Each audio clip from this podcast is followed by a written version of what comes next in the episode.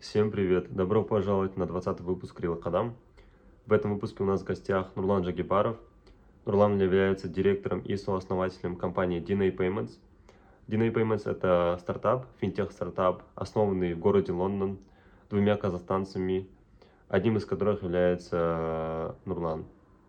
Стартап был основан в 2019 году и в 2021 году уже поднял инвестиции на 100 миллионов фунтов, что является очень необычным и редким результатом для э, уроженцев Казахстана. Мы поговорили про, про то, как так получилось, про в целом историю успеха этого стартапа, но также мы поговорили про тернистый путь Нурлана, про его времена э, работы забегаловки во время учебы в Британии. Мы поговорили про его 16 лет опыта работы в Каскимирсбанке, про его победы, про тонкости развития финтех стартапа в Лондоне.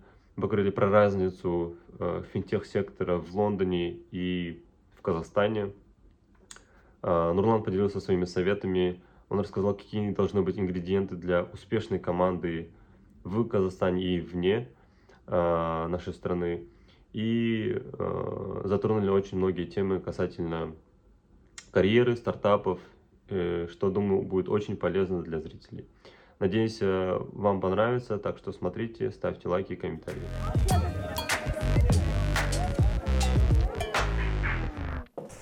А, всем привет, добро пожаловать на уже 20 выпуск Рил Кадам. А, сегодня у нас в гостях Нурлан Жакипаров, основатель и соучредитель, директор компании DNA Payments, финансовой компании, основанной в Великобритании. Э, у Нурлана очень большой, в принципе, э, список, так сказать, э, карьер, в карьере, и про который мы очень сильно поговорим. Вот. Добро пожаловать, Нурлан. Спасибо, очень приятно. Как ваши дела? Как да, спасибо. Мне кажется, сегодня такой как бы не очень обычный летний день, немножко солнца, как бы, да, и да. почти не, нету дождя, поэтому гораздо лучше настроение. Угу, угу.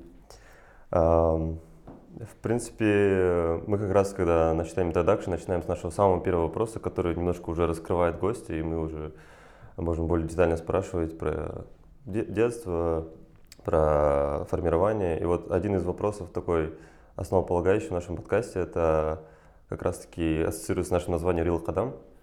Real Хадам как бы означает настоящий шаг. И вот могли бы рассказать про какие-то реальный один шаг или было последовательные шаги в вашей жизни, которые повлияли на то, что вы э, являетесь тем, э, кто вы сейчас? Э, ну, наверное, можно рассказать немного из своей истории. Я бы, наверное, не преувеличил свою роль, то есть я являюсь обычным человеком, таким же, как и вы, как бы, ну, работаю, может быть, там э, какой-то в других условиях. Но в целом, наверное, если говорить про какие-то там жизненно важные как бы, там, этапы в моей жизни, наверное, ну, можно отметить, наверное, шаг, когда я сделал, когда, наверное, поехал учиться за границу для себя. Да, там для меня это был такой большой вызов, такой шаг в неизвестность. А, далее, наверное, когда я вернулся в Казахстан, начал работать, а, и как бы строил свою карьеру тоже, в том числе с нуля, как бы, да, и практически как бы ну, с таким вот с трепетом вспоминаю все эти годы, как бы. И, наверное, вот такой большой этап моей жизни, когда э, будучи уже достаточно успешным, там, состоявшимся человеком в Казахстане, ну, по своим, как бы, там, меркам, да, как бы я э, все бросил и поехал, как бы, э, какие-то покорять новые вершины за границу, и, как бы, вот в неизвестность совершенно, как бы, как бы на, скажем, для себя в пустое место, как бы, и, э, ну, наверное, вот, как бы, три вот эти этапа можно, как бы, отметить. Mm-hmm. Давайте начну, наверное, тогда с, э, со своего решение поехать за границу. То есть в целом я, наверное, вел такой же образ жизни, как и большинство студентов а, там, конца 90-х. Как бы, ну, вот на моих глазах была как бы там вот скажем, строилась новая реальность, там вот новый Казахстан появлялся, да, как бы настоящий новый Казахстан. И когда действительно там вот выключался верно свет, как бы в городе, как бы в Алмате, да, и ну, действительно вот я, я застал эти времена, когда там идешь мимо как бы коммерческих магазинов, там по улице Гоголя, сегодня одни цены, на следующий день они два раза выше, на следующий день еще как бы, и вот все это как бы так на моих глазах строилось, как бы и менялось, и мне было интересно, наверное, не было такого еще страха, будучи там школьником. Поступил я потом, э, закончил 15-ю школу, это как бы как раз вот в районе Гоголя Сифуля, она была с английским уклоном. Это город Алматы, да? Да, это в Алмате, да. Я проучился там 10 лет, потом поступил в Алмате в Алматинский государственный университет. Я сейчас даже не знаю, как он называется, но он тоже поменял название, по-моему, Каспи или в этом что-то вот педагогический. Но тогда это был достаточно такой престижный вуз, и я для себя выбрал специальность международные отношения и планировал в целом, ну, как бы работать там где-то на уровне дипломатии, каких-то международных отношений, политикой заниматься. Где-то вот мне это было интересно. И на самом деле эта страсть внутри еще и осталась. Как бы. Ну, такой был осознанный выбор. Но понятно, как бы тяжело это время было, да, как бы я остался тогда там без отца, и как бы вот как бы в тот момент было очень такое как бы тяжелое время. Э, но я понимал по мере того, как проходил, что практической как бы плоскости эта специальность, она не даст мне возможность там что-то зарабатывать, чего добиваться. И искал для себя возможности как бы как-то продолжить свое или профессиональное образование. Начал работать в тот момент как раз в какой-то маркетолог, в какой-то компании иностранной. И э, решил попробовать э, э, как бы поехать за границу, получить какое-то там более профессиональное образование. Вот, в 99 году я буквально, э, вот у меня было там ну, небольшой капитал, условно говоря, было достаточно, чтобы там оплатить там 3-4 месяца обучения, как бы это, ну, скажем, продвинутый уровень английского языка необходимо. Вот я записался на курсы, э, поехал изучать как бы английский. Но когда приехал, понятно, что я так как им владел со школы, как бы для меня это было достаточно просто, и быстро наверстал там все эти. Э, и а, решил как бы не просто изучать английский, а как бы какую-то профессию осваивать. Выбрал тогда, э, ну это 99 год, получается, 2000 выбрал для себя специальность компьютер Science и взял такой Advanced Computer Programming да, для себя такую специальность, начал изучать там C++, Visual Basic, как бы такие вещи. Мне очень понравилось в целом, потому что я видел и перспективу, как бы я видел, что идет огромный тренд в эту сторону, и видел, что технологии, они как бы реально будут менять жизнь. Mm-hmm. Вот пошел туда как бы. Э, просто все время было вот это внутреннее желание закончить быстрее, чего-то как бы добиться, начать работать как бы. И я как бы, скажем, из-за такой э, учебной жадности там брал одновременно два языка по программированию, да, и, и как бы это создавало сложность, я путался как бы, что как бы лексику путал там как бы. И так. Ну в целом как бы э, справился, закончил, получил вот такую, ну закончил почти там полуторагодичную программу Э, по вот Advanced Computer Programming. Это уже в Америке? Это в Америке, это в Хьюстоне как раз. Э, и это был такой достаточно для меня период становления, потому что мне необходимо было, во-первых, зарабатывать на это обучение, mm-hmm. во-вторых, э, как бы оплачивать проживание, в-третьих, как бы там поддерживать семью, mm-hmm. там, родных. И приходилось с утра до обеда как бы учиться, там, каждый день, допустим, с там, 4-5 я работал там, ну, до 10-11, 5 в субботу работал там до 2 до 3 ночи. Ну, без остановки вот так, ну, почти 2 года как бы. Э, и поэтому как бы для меня вот жизнь в Хьюстоне и жизнь в Америке была такая, сопряжена с какой-то там колоссальной работой без когда я не мог выспаться никогда. И вот такая... Нормально Америку не посмотришь даже. Э, вот, ну, было пару раз буквально как бы этот э, мы когда там какой-то брали мини-брейк, ну там на один день буквально, больше не могли позволить, потому что ты все время в потоке вот этих оплат, там как бы тебе нужно как бы всегда быть финансово дисциплинированным. А вот э, спрошу чуть, то есть мы чуть убежали в Америку, хотел узнать вот, то есть в то время вот 90-е, 2000-е да, года получается, и как вы говорите, вот этот переворот такой, новый как бы мир, и что вас заставило пойти в этот момент учиться? Типа, что повлияло э, такое решить, не идти работать сразу, потому что как будто в то время, сейчас у нас бум образования, все учатся, знают, что это там какой-то да. прыжок. А тогда, наверное, не так было. И вот за счет ну, чего? Нет, я бы так не сказал. Было достаточно много людей, которые ехали, учились за границу. Даже mm. вот, кажется, сейчас с высоты там 2020-х годов, ну, как вы тогда догадались? Нет, на самом деле достаточно здравомыслящие люди стремились учаться там за границей, стремились работать э, и Э, там, я не скажу, что принципиально что-то поменялось, просто это стало, наверное, более доступно, это стало вот как бы, ну, то есть это э, там, любой мог попробовать. Тогда, наверное, было чуть сложнее, необходимо было как бы там ну, сильно рисковать. Но базово я как бы там, очень много студентов было в то время тоже, и я как бы там проблем в этом, честно говоря, не видел. То есть важно было решиться, важно было попробовать, и как бы, вот я помню, там, два месяца, когда провел в Америке, у меня вот ровно оставалось 300 долларов, оплаченная аренда до конца декабря, это было, условно, там, в сентябре или в октябре, у меня назад пути не было, то есть, как бы, мне нужно было вот просто найти работу, найти этот и как бы выкручиваться. На самом деле, вот это, наверное, качество мне в будущем помогло, что как бы у меня не было этого страха когда, от неизвестности, там, как бы, и в этом даже какой-то вот какой-то драйв внутренний есть. Как бы. Угу. Это, получается, был не, не Балашак? Это вы сами? Нет, нет, это не было. Потому что Балашак, видите, он распространялся только на круглых отличников, и нужно было быть красный диплом. Я, наверное, сделал большую ошибку, когда учился в школе, и как бы ну, не, не уделил достаточно этого времени. То есть, в принципе, у меня была очень хорошая успеваемость, но по некоторым вещам, ну, я не знаю, физкультура у меня была три, да, допустим, потому что там какой-то конфликт с э, физруком был, хотя был достаточно спортивный, и как бы всегда там занимался. Ну, вот какие-то такие там, или там, э, были, короче, вопросы. Причины были. Да.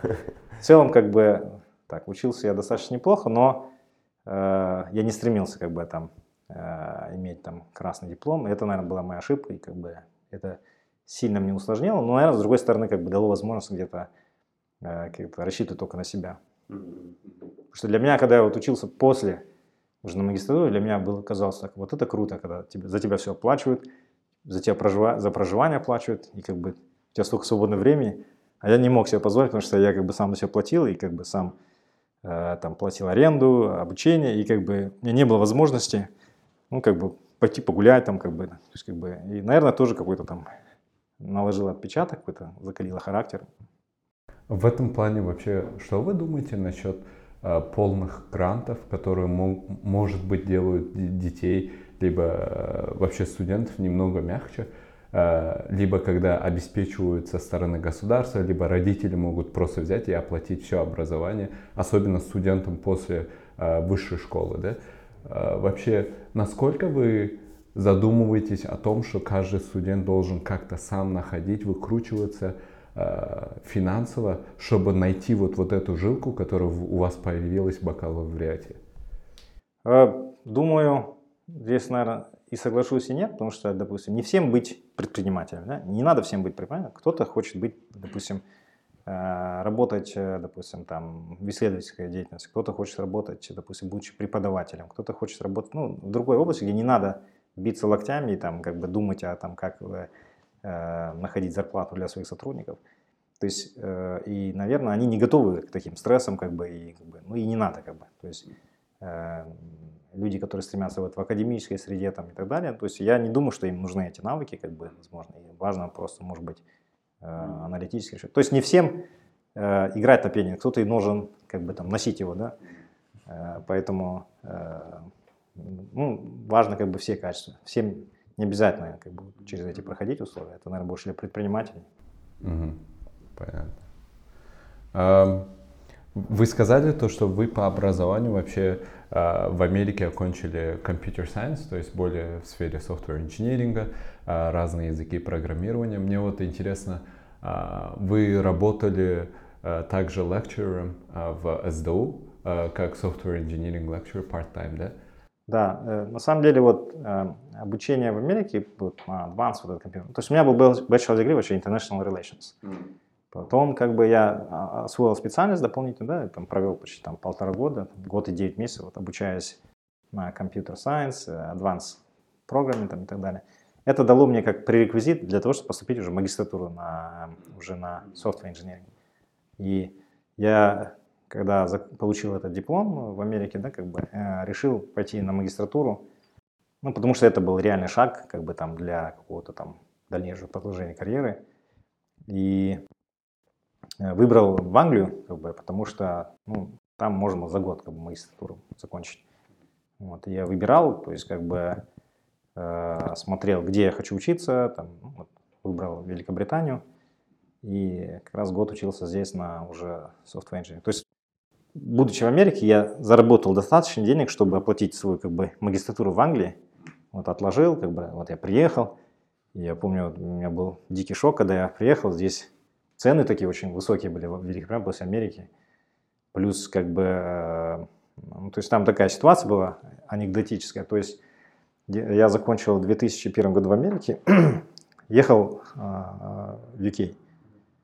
В Казахстане я не был два года уже там, ну то есть в тот момент как бы я ехал на буквально две недели в Казахстан, чтобы увидеть родных, там, потому что ни разу не, не возвращался, потому что было дорого билет, то есть я думал, я месяц-полтора работаю, чтобы на билет потратить туда-обратно, как бы смысла не было. Лучше потерплю. И вот поехал э, в Казахстан по пути, ну, через Лондон. Вышел в Лондоне, оставил все сбережения, открыл счет в банке, положил все деньги на счет. Э, еще, ну, как бы такое интересно было. Возвращаюсь в Казахстан, и тут происходят вот эти события. 9-11 э, в Америке антитеррор, и как бы я, я застрял в Казахстане, у меня деньги там, я, я голова, так, думаю, как бы уже пере, начал переживать, там все мои сбережения, все как бы там программы обучения, в общем, все эти визы как бы там под вопросом. Ну, в целом, как бы все успокоилось, и 15 сентября я смог прилететь. Mm-hmm. Э, в общем, по, ну, Но сбережения в UK были? Все да, равно на тот момент, да. Это аффектило, да? Да. То есть, как бы, и я приехал, все оплатил, тот же самый расчет был, то есть как бы я получил магистратуру, у меня было проплачено вот это общежитие там до, э, там, я не помню, до, октября, до ноября включительно, это был условно сентябрь. Тут же нашел небольшую какую-то part-time работу, там, условно, я работал там в Subway где-то там по вечерам, по несколько часов. Это позволяло, по крайней мере, там, доплачивать э, общежитие, как бы э, доплачивать за обучение, ну, как бы за проживание. В принципе, у меня там расходы были минимум, если честно. Вот, спокойно учился, э, старался не переувеличивать количество часов на работе, потому что ну, обучение было достаточно тяжелое. Одновременно шло там всякие formal methods, там, software testing. Ну, такие достаточно тяжелые дисциплины для меня. И как бы все это приходилось как бы там ну, погружаться, смотреть, зубрить. Некоторые, вот, допустим, формулы я до сих пор не понял. То есть, или, может, неудачный преподаватель. И как бы, ну, я не знаю. В общем, я просто зубрил как бы, что не мог врубиться в логику как бы методики. И э, ну, так как бы закончил в целом. Э, был такой психологически тяжелый подъем, такой, точнее, тяж, психологически тяжелый наверное, момент, когда на рубеже, скажем так, там декабрь-январь, да, вот, ну, вот все время работаешь, все время как бы этот, ты как бы там в таком все время в ограниченном состоянии, в режиме такой safe мод, да, как бы, и минимум как бы ты себе можешь позволить. И вот такой тяжелый момент был, я работаю Э, в там, сабвее э, по вечерам, да, как бы, э, ну, приходят там пьяные ребята, да, там, в основном вечером, пятницу, там, начинают там что-то буянить, там, там, смеяться над акцентом, ну, какие-то вот такие, просто пьяные выходки там. И как-то я уже был такой уставший, просто не выдержал, взял их, там, битый побил, ну, кто хулиганил. И я помню, приезжает, как бы, там, начинает разбираться, вот, говорит, а вот Э, как бы, ну, там, они пожалуются, там, понятно, там, в органы, как бы мы начинаем разбираться, они смотрят, ну, вот человек там учится на магистратуре, на софтвее, там, условно, азиат, да, как бы, по внешним признакам не похож на агрессивного человека, на рабочем месте, как бы, и здесь вот эти трое выпившие, как бы, и там, что-то этот, еще как бы, вроде так, их забрали, ну, они были зачинщиками, да, но как бы на тот момент нервы как бы не я тогда как бы так устал, потому что я понимал, что как бы такая очень тяжелая работа, и как бы она такая как бы не очень, может быть, интеллектуальная. Но на тот момент нереально было найти как бы э, такую рядом доступную как бы и как бы, ну, комфортно мне по режиму, да, как бы. В общем, потом э, устроился на Royal Mail, и тоже было интересно. Я ушел с этого Subway, хотя я там с точки зрения там Subway, у меня там наивысшая карьера, условно. Я был сэндвич-артист, это как бы там тот, который умеет там готовить э, сэндвичи, как бы там знает рецепты, все, я все экзамены сдал. У меня даже был ключ от сейфа, да, как бы это считалось там вообще пик карьеры как бы для этого сотрудника СБ. Ну, это там за три месяца, условно, сколько там. И я мог открыть магазин, закрыть, кассу сдавать, как бы в сейф там вытаскивать. Ну, то есть как полный как бы, у меня был этот но в целом мне было интересно вот сейчас этот опыт с точки зрения, как они строили бизнес-процесс, как у них организован режим дня, да, как у них выстроены многие вещи. Это как бы в целом мне помогло в последующем, когда я работал там в том же Каскоме, строить какие-то автоматизацию процессов там внутри. Потом вот устроился на э, Royal Mail, там даже повезло, э, то есть я работал только на выходные, получается, рано утром, то есть там получается суббота-воскресенье, там, условно, с 6 утра до 12 дня. Но так как это выходной, понятно, никто не хочет работать, там платили двойную ставку. То есть за эти два дня я заработал больше, чем как бы я работал когда там всю неделю как бы. И мне вообще так это понравилось. То есть, и как бы там с утра встал в 6 до 12, потом ты уже весь день свободен. Ты мог и погулять, и там, и так далее. И это как бы в таком режиме мне позволило, в принципе, так комфортно закончить год, получить диплом. И я прилетел в Казахстан и как бы уже начал работать.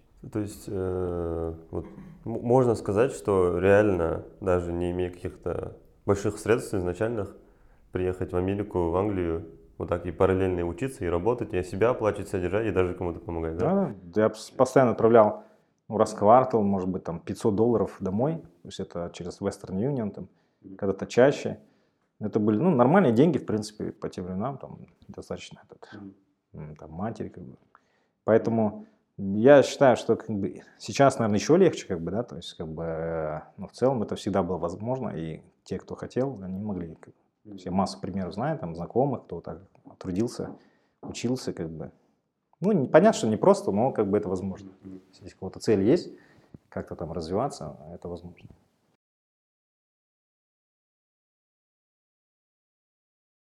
Э, к тому, как, ну, ко мне иногда, у меня спрашивают студенты или э, школьники старших классов, э, что они хотят подрабатывать, но они задумываются о том, чтобы делать какой-то такой сайт-хасл, типа быть там поваром где-то, или быть официантом где-то, или делать интеллектуальную работу.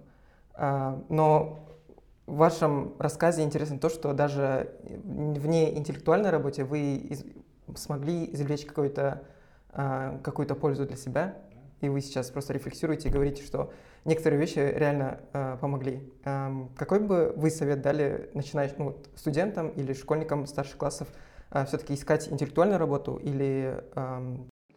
не знаю, мне кажется, вот будучи студентом, у вас вообще как бы настолько как бы там Э, горизонт возможностей не ограничен. Да? Вот в чем прелесть там, работы на разных как бы, там, должностях, на разных, э, как бы, там, ну, будучи там, официантом, будучи там, не знаю, где-то на сервисе, где-то там, не знаю, на производстве.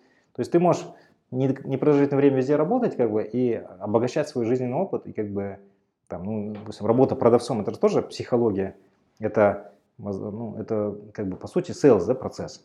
То есть приходит клиент, ему что-то рекомендуешь, рассказываешь. Во-первых, коммуникацию учишься строить нормально. Во-вторых, как бы понимаешь психологию покупателя, как бы, то есть это, мне кажется, это бесценный опыт. Поэтому я бы очень рекомендовал, в том числе, как бы вот на таких работах работать. Для тех, кто стремится создавать свой бизнес.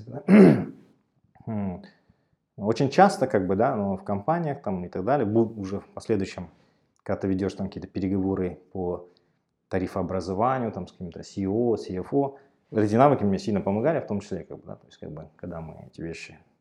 Поэтому я бы только за был бы, если бы там студенты на разных работах. Ну, я не знаю, кто-то не хочет пачкать руки. Ну, как бы каждому свое, как говорится. Mm-hmm. То есть, проучившись в Великобритании, вы решаетесь приехать обратно в Казахстан. Что вообще э, сдвинуло вас э, сделать такое решение? Почему вы не остались э, в Британии, либо уехали обратно в Америку, где тот же самый был э, интернет-бум э, в то время? Ну, для объективности, наверное, в тот момент, э, не имея практического опыта как софтвер-инженер, наверное, мне было тяжело устроиться на работу в Великобритании по своей специальности. Поэтому я понимал, что, наверное, с точки зрения карьерного я, наверное, проиграю. Поэтому я поехал в Казахстан, потому что видел, что как бы индустрия быстро развивается, потом доступ к новым технологиям там – гораздо проще, потому что не было этого легаси, и как бы многие компании как бы сразу внедряли там самые передовые технологии. Я когда приехал э, в Казахстан, я вот просто пешком прошел там 17-20 компаний разных, оставил резюме, вот, что не машин. Но я приехал, никаких сбережений абсолютно. Вот все заплатил за магистратуру, совершенно пустое вернулся. И э, как бы пригласили меня на работу, ну, там, разные компании большие, как бы, да, и вот в том числе пригласили в Каскоммерсбанк, и тогда у меня был только создан подразделение, называлось Управление инновационных технологий. А у меня вот Каскомерсбанк какой-то был такой подсознательно какой-то вот какой-то, скажем, такой эмоциональная связь, что ли, как бы. То есть у них какая была креативная реклама в начале 90-х, и вот мне это всегда нравилось на подсознании. В общем, я всегда хотел почему-то там работать. И когда, я вот, меня вот все воспоминания своих, сп- как бы из студенчества, я вообще не задумываясь пошел туда работать. Хотя там и по зарплате, может быть, не самая привлекательная была позиция. Но там те ребята, которые на тот момент работали, да, допустим, и там, ну, очень такие были смышленые ребята, очень как бы вот такой как бы получился там пласт таких продвинутых ребят, и я хотел вот работать в этой команде, я хотел работать, учиться чему-то, ну, как бы и на практике какие-то знания там применять, поэтому, не знаю, я проработал после этого 15 лет в Газкоме, там 15-16 лет, ну, я ни дня не жалею, честно говоря, я с огромным удовольствием там работал и как бы э, считаю как такой один из лучших этапов моей жизни. А какая у вас изначальная специальность была, позиция, когда вы пришли? Специалист, специалист там пришел, то есть там как понятие есть специалист, там какой-то главный специалист, там. А, то есть не, Отдел. вне IT, да? или- Не-не, это имеется в виду в управлении инновационных технологий, был Мгм. там специалист управления. Мгм. И как бы задача была как бы автоматизация, то есть я пришел на проект, на тот момент была автоматизация бизнес-процессов, э, это что-то новое, то есть когда еще был есть бумажный документооборот, э, все процессы были бумажные, то есть условно, допустим, вы хотите получить кредит, вы пишете заявление, эти заявления кто-то там подписывает, кто-то там еще авторизует, в общем, там печати ставит. Вот так это все двигалось, и мы внедряли систему электронного документооборота, Э, И как бы не просто документы, а прям управление бизнес-процессами. Когда эти процессы описывались, внедрялись, и как бы люди вообще отказывались от э, вот этих бумажных подписных, это был вообще такой, ну, такой конкретный прикол, потому что э, вот этот был клаш как бы менталитета там, тогда, я, тогда мне было еще там условно там 25 или там сколько, и я думал, блин, вот эти 40-летние тетки, как бы вообще не понимают ни в технологиях. Сейчас, придя к этому возрасту, как бы тоже так, так смешно смотрится. И э, мне казалось, как они вообще против прогресса? Вот, как бы, я им объясняю, это вот не надо вот эти бумажки, то есть это быстрее. Еще мы тогда внедряли, там, я помню, первый процесс, который мы делали, это какой-то связанный с выдачей гарантий, потом выпуск карточек, там, все это мы переводили на электронные рельсы. И ну, тогда вот Газком ушел в фарватер всех инноваций, как бы там гремел, и как бы очень быстро все внедрялось. И очень у меня был, э, скажем, такой, ну, э, один из самых таких, наверное, э, профессиональных руководителей, как с точки зрения IT, э, и как бы многому у нее научился, в том числе и как бы, ну, такая вот среда была такая, где инновации приветствовались, где как бы легко было эти инновации внедрять, и там и руководство банка такое было продвинутое, как бы способствовало всему этому, и какой-то климат внутри был. В целом было интересно, как бы. То есть все эти факторы, они повлияли на то, что вы оставались там 16 лет? Да, то есть я причем работал прям с удовольствием. Я там, когда я уходил в отпуск, мне было, ну там, после недели мне было тяжело, как бы я хотел на работу, да, то есть, то есть в целом, наверное, как бы вот такое был, как бы, и там целая такая плеяда была коллег, сотрудников, э, которые именно так и работали. Потом э, произошел такой большой слом, как раз Коском ну, э, был выкуплен Халыком, и получается там большинство руководителей Коскома разошлись. Ну, там была какая-то турбулентность, там менялись немного акционеры.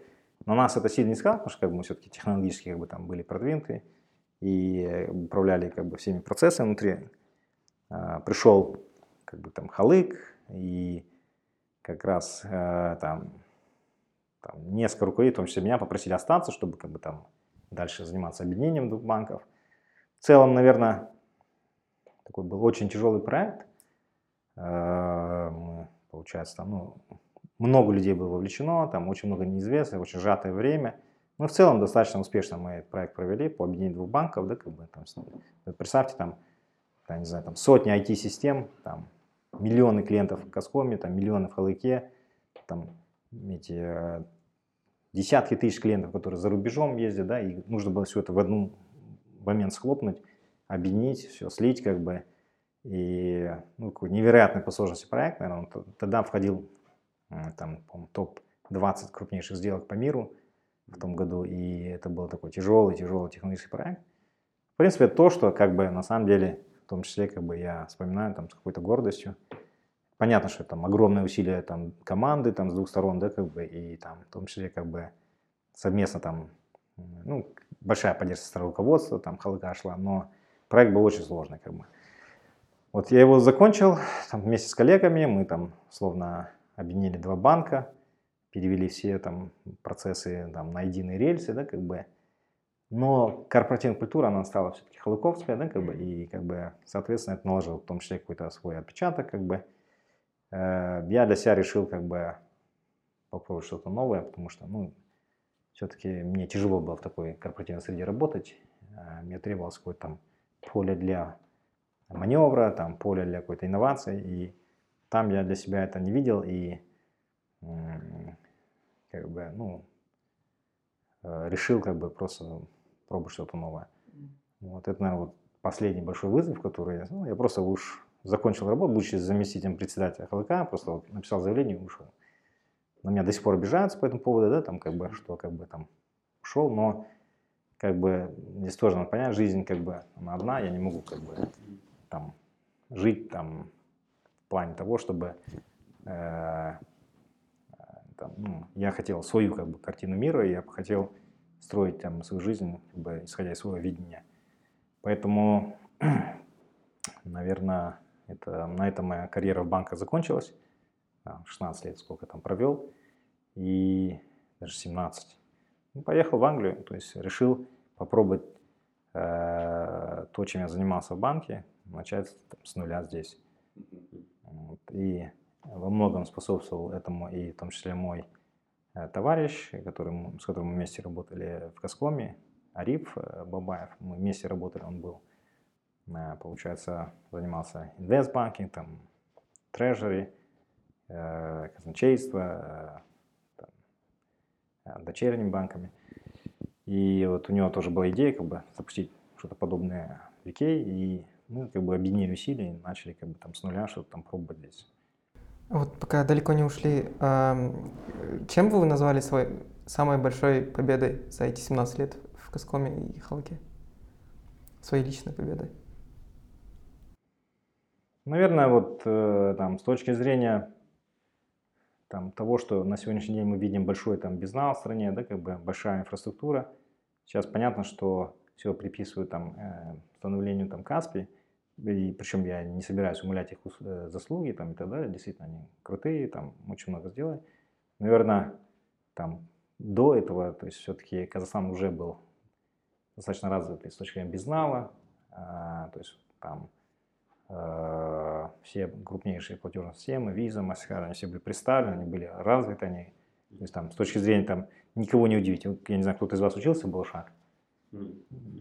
кто был Шахши, у них все были карты Каскома, то есть они пользовались интернет-банком, хомбанк. Ну, то есть по тем временам, да, это было все уже достаточно продвинуто, развито, там, многие вещи до сих пор работают. Я помню, там мы автоматизировали все эти крупнейшие там, международные сети, там, Хилтон и Марио, там, сам вел с ними переговоры и по цене, и подключал их. То есть за счет того, что там все-таки сложная интеграция, да, как бы, ну, до сих пор они являются клиентами уже как бы исторических ХЛК там Starbucks, ну там невозможно просто выкинуть, mm-hmm. потому что уже там настолько там все это интегрировано, то есть э, и там надо сильно постараться. Mm-hmm. Ну я думаю, наверное, большая плеяда там специалистов выросла, как бы, которая дальше работает во многих банках, и ну, в целом я бы, наверное, там свою роль не преувеличивал. Я считаю, что там, работая как Каском, мы там очень неплохо продвигали технологии, продвигали именно финтех и активно там, развивали, работали там с финтех-комьюнити. А, там, поэтому, а, наверное, вот как бы из того, что можно там причислить к себе. Понятно. Одна вещь, э, которую, одна тенденция среди молодежи, особенно среди наших ровесников, это то, что сейчас люди а, прыгают с одной работы на другую очень-очень часто. То есть особенно в начале карьеры, так как э, таким образом они могут поднять Э, свой salary, либо также найти э, возможности, которые может быть лучше, э, чем у них есть сейчас, но в то же время есть большой риск того, что они не входят вглубь в какую-то сферу, либо в какой-то команде не дают такого большого импакта, так как они прыгают через год, либо через полтора, когда только узнают контекст и начинают быть частью, основной частью команды, да. Но вот в вашей карьере именно с Каскомом очень интересно то, что вы остались там 16 лет. И э, хотел бы вообще узнать ваше мнение насчет этой тенденции. Насколько вообще именно в мире сейчас э, важно оставаться немного дольше, э, несмотря на разные факторы, несмотря на тенденции других, которые могли поднять свою зарплату из-за того, что ушли э, в другую компанию? Ну, наверное, во многом зависит от конкретного человека, от каждой конкретной ситуации в моменте. Да? Наверное, там вот, мой случай, он может быть не самый типичный, и, наверное, я там где-то пересидел, но вот объективно, допустим, если смотреть, Каском на тот момент был самой передовой организацией. Мне некуда было идти оттуда, как бы там, условно там, э, там, я не скажу, что нам очень много платили, там, да, ну, объективно, платили так, э, там, может быть, даже ниже рынка, но в целом работа была интересная. Некуда было двигаться с точки зрения там, как бы, карьерного роста на тот момент. Э, или, условно, там, какого-то более интересных проектов. В целом я самореализовывался больше с точки зрения там, каких-то масштабных проектов, там, запуском каких-нибудь Apple Pay в Казахстане, ну, там, Contactless мы запускали. Вообще помню, вот, в стране появился контактность, и вот я сам там как бы мотивировал как бы там население, как бы, да, чтобы как бы, пытались оплачивать контакт. Там вот яркий пример, допустим, вот я помню, э, мы как бы раз, ну это же все время инвестиции как бы, в оборудование, в какую-то инфраструктуру, и мы один раз вот там как раз Magnum, по-моему, был как бы кейс, когда мы пытались вот на базе Magnum совместно с MasterCard популяризировать этот контактлess, и это только тренд был начинающий в некоторых странах. Я видел в Турции чуть было, там чуть было, в UK было уже чуть. И э, вот мы говорили, окей, если будут люди оплачивать там контакты, мы говорили, а мы уже карты все по умолчанию начали выпускать с контакта, с capabilities. Это было там, не знаю, 2000, может быть, знаю, там 12 год или там, ну, то есть там 10 лет назад. Уже по умолчанию это уже сразу дороже там на 15-20%, да, там стоимость. Но мы инвестировали, и я пытался как бы мотивировать сначала кассиров там и директоров вот этих э, супермаркетов. Мы говорим, давайте, если будут люди контактно заплачивать, мы вам какие-нибудь там э, вкусняшки даем там со стороны банка. Не могли заставить их, они, ой, там сложно, там, что это такое, как бы. Потом пошли обратным путем. Э, я помню, мы сделали акцию, но я вижу, что количество платежей очень маленькое, да, как бы. А все терминалы, все карты уже были на месте. Мы говорим, окей, пошли с обратной. Я сказал, любой, кто картой Каскома оплачивает контакты, допустим, в, в Magnum или там, в там Рамсторе, мы даем 25% кэшбэк. Я смотрю, потом раз, первый месяц, сначала тишина, потом через неделю начали мне звонить с, с Magnum, с остальных этих, говорят, что такое контактлесс? Говорят, какие-то люди приходят здесь, истерят, требуют, чтобы я только буду оплачивать контактлесс. Они начали давить на кассиров, те начали обучаться. Как бы. Mm. Сказали, 25% у нас на следующий месяц количество транзакций выросло, наверное, 50 раз контактлess. Mm-hmm. Потом я уже смотрю, уже угрожающая цифра с точки зрения нас как затрат. Я сделал 10%, да? Но уже каждый месяц там утраивалось ну, как бы, количество транзакций росло. Мы за год там, наверное, в тысячу раз выросли по точке контакта. Mm-hmm. По сути, там в стране начал уже все. Как бы, кассиры привыкли, не было страха. Для них это было нормально, и как бы мы начали развивать этот контактность платежи. Все терминалы да, на тот момент, наверное, Каском, 70% всех ритейлеров, которые принимали, они работали через Каском. Uh-huh. И плюс у меня там уже была аналитика, дейта там мощно стояла. То есть я видел, то есть если человек, допустим, приходит в Starbucks, да, и он платит там карточкой, я, допустим, понимал пропорция, допустим, если количество платежей, пропорция платежей, допустим, 40% клиента это Каскомовские карты там на этом терминале условно, я уже понял, что это, это нормальное как бы соотношение. Если я видел, что вдруг стопроцентное там количество клиентов Каском, значит кто-то второй рядом стоит как терминал, и, соответственно, нужно как бы реагировать. То есть он все Каском карты пускает там по нашему терминалу, а все другие карты пускает по другому терминалу. То есть соотношение в этих, у меня срабатывали триггеры, понятно, что как бы вот здесь IT как раз сильно помогает в бизнесе. Mm. То есть я мог модели эти строить, у меня были всякие, сразу вылетали алерты, что я отдельно следил там топ 100 тысяч мерчантов как бы в стране. Я смотрел, допустим, если какие-то вот эти срабатывают алерты, уже сразу поднимался автоматизированный бизнес-процесс, падал на Э, условно говоря, на а, прозвон уже нашим селзам, они смотрели и направляли туда уже людей, типа, смотрели. Ну, как бы. Mm-hmm. И это у меня все отслеживалось, как бы, и как бы за счет этого мне ну, практически невозможно было со мной конкурировать в тот момент с точки зрения вот этого эквайринга mm-hmm. и платежей.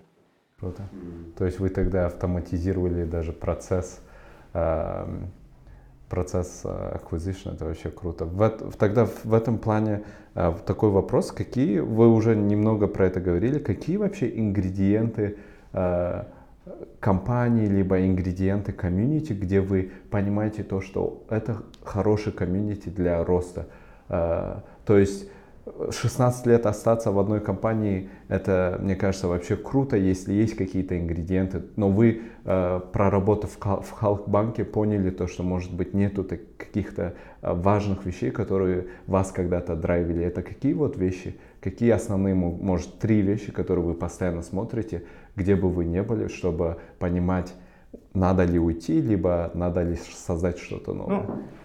Ну, допустим, наверное, ключевое отличие, где, я- которое для себя отметил, может быть, там на этом историческом отме- э, там, отрезке это как бы оправдано, но конкретно тяжело было, как бы, когда у тебя нету, скажем, свободы э, в принятии решений. То есть у тебя должно быть право на ошибки, да, допустим. Первое, что я увидел, отличие корпоративной культуры, что, допустим, там айтишники боялись в допустим, какие-то вещи внедрять, потому что при ошибках, э, ну, каких-то, да, на- налагались там штрафы. То есть мы там очень долго ну, работали совместно, чтобы вот это убрать, да, правила, потому что, ну, айтишники боялись там что-то писать, поэтому предпочитали где-то third party, какие-то софтвер использовать.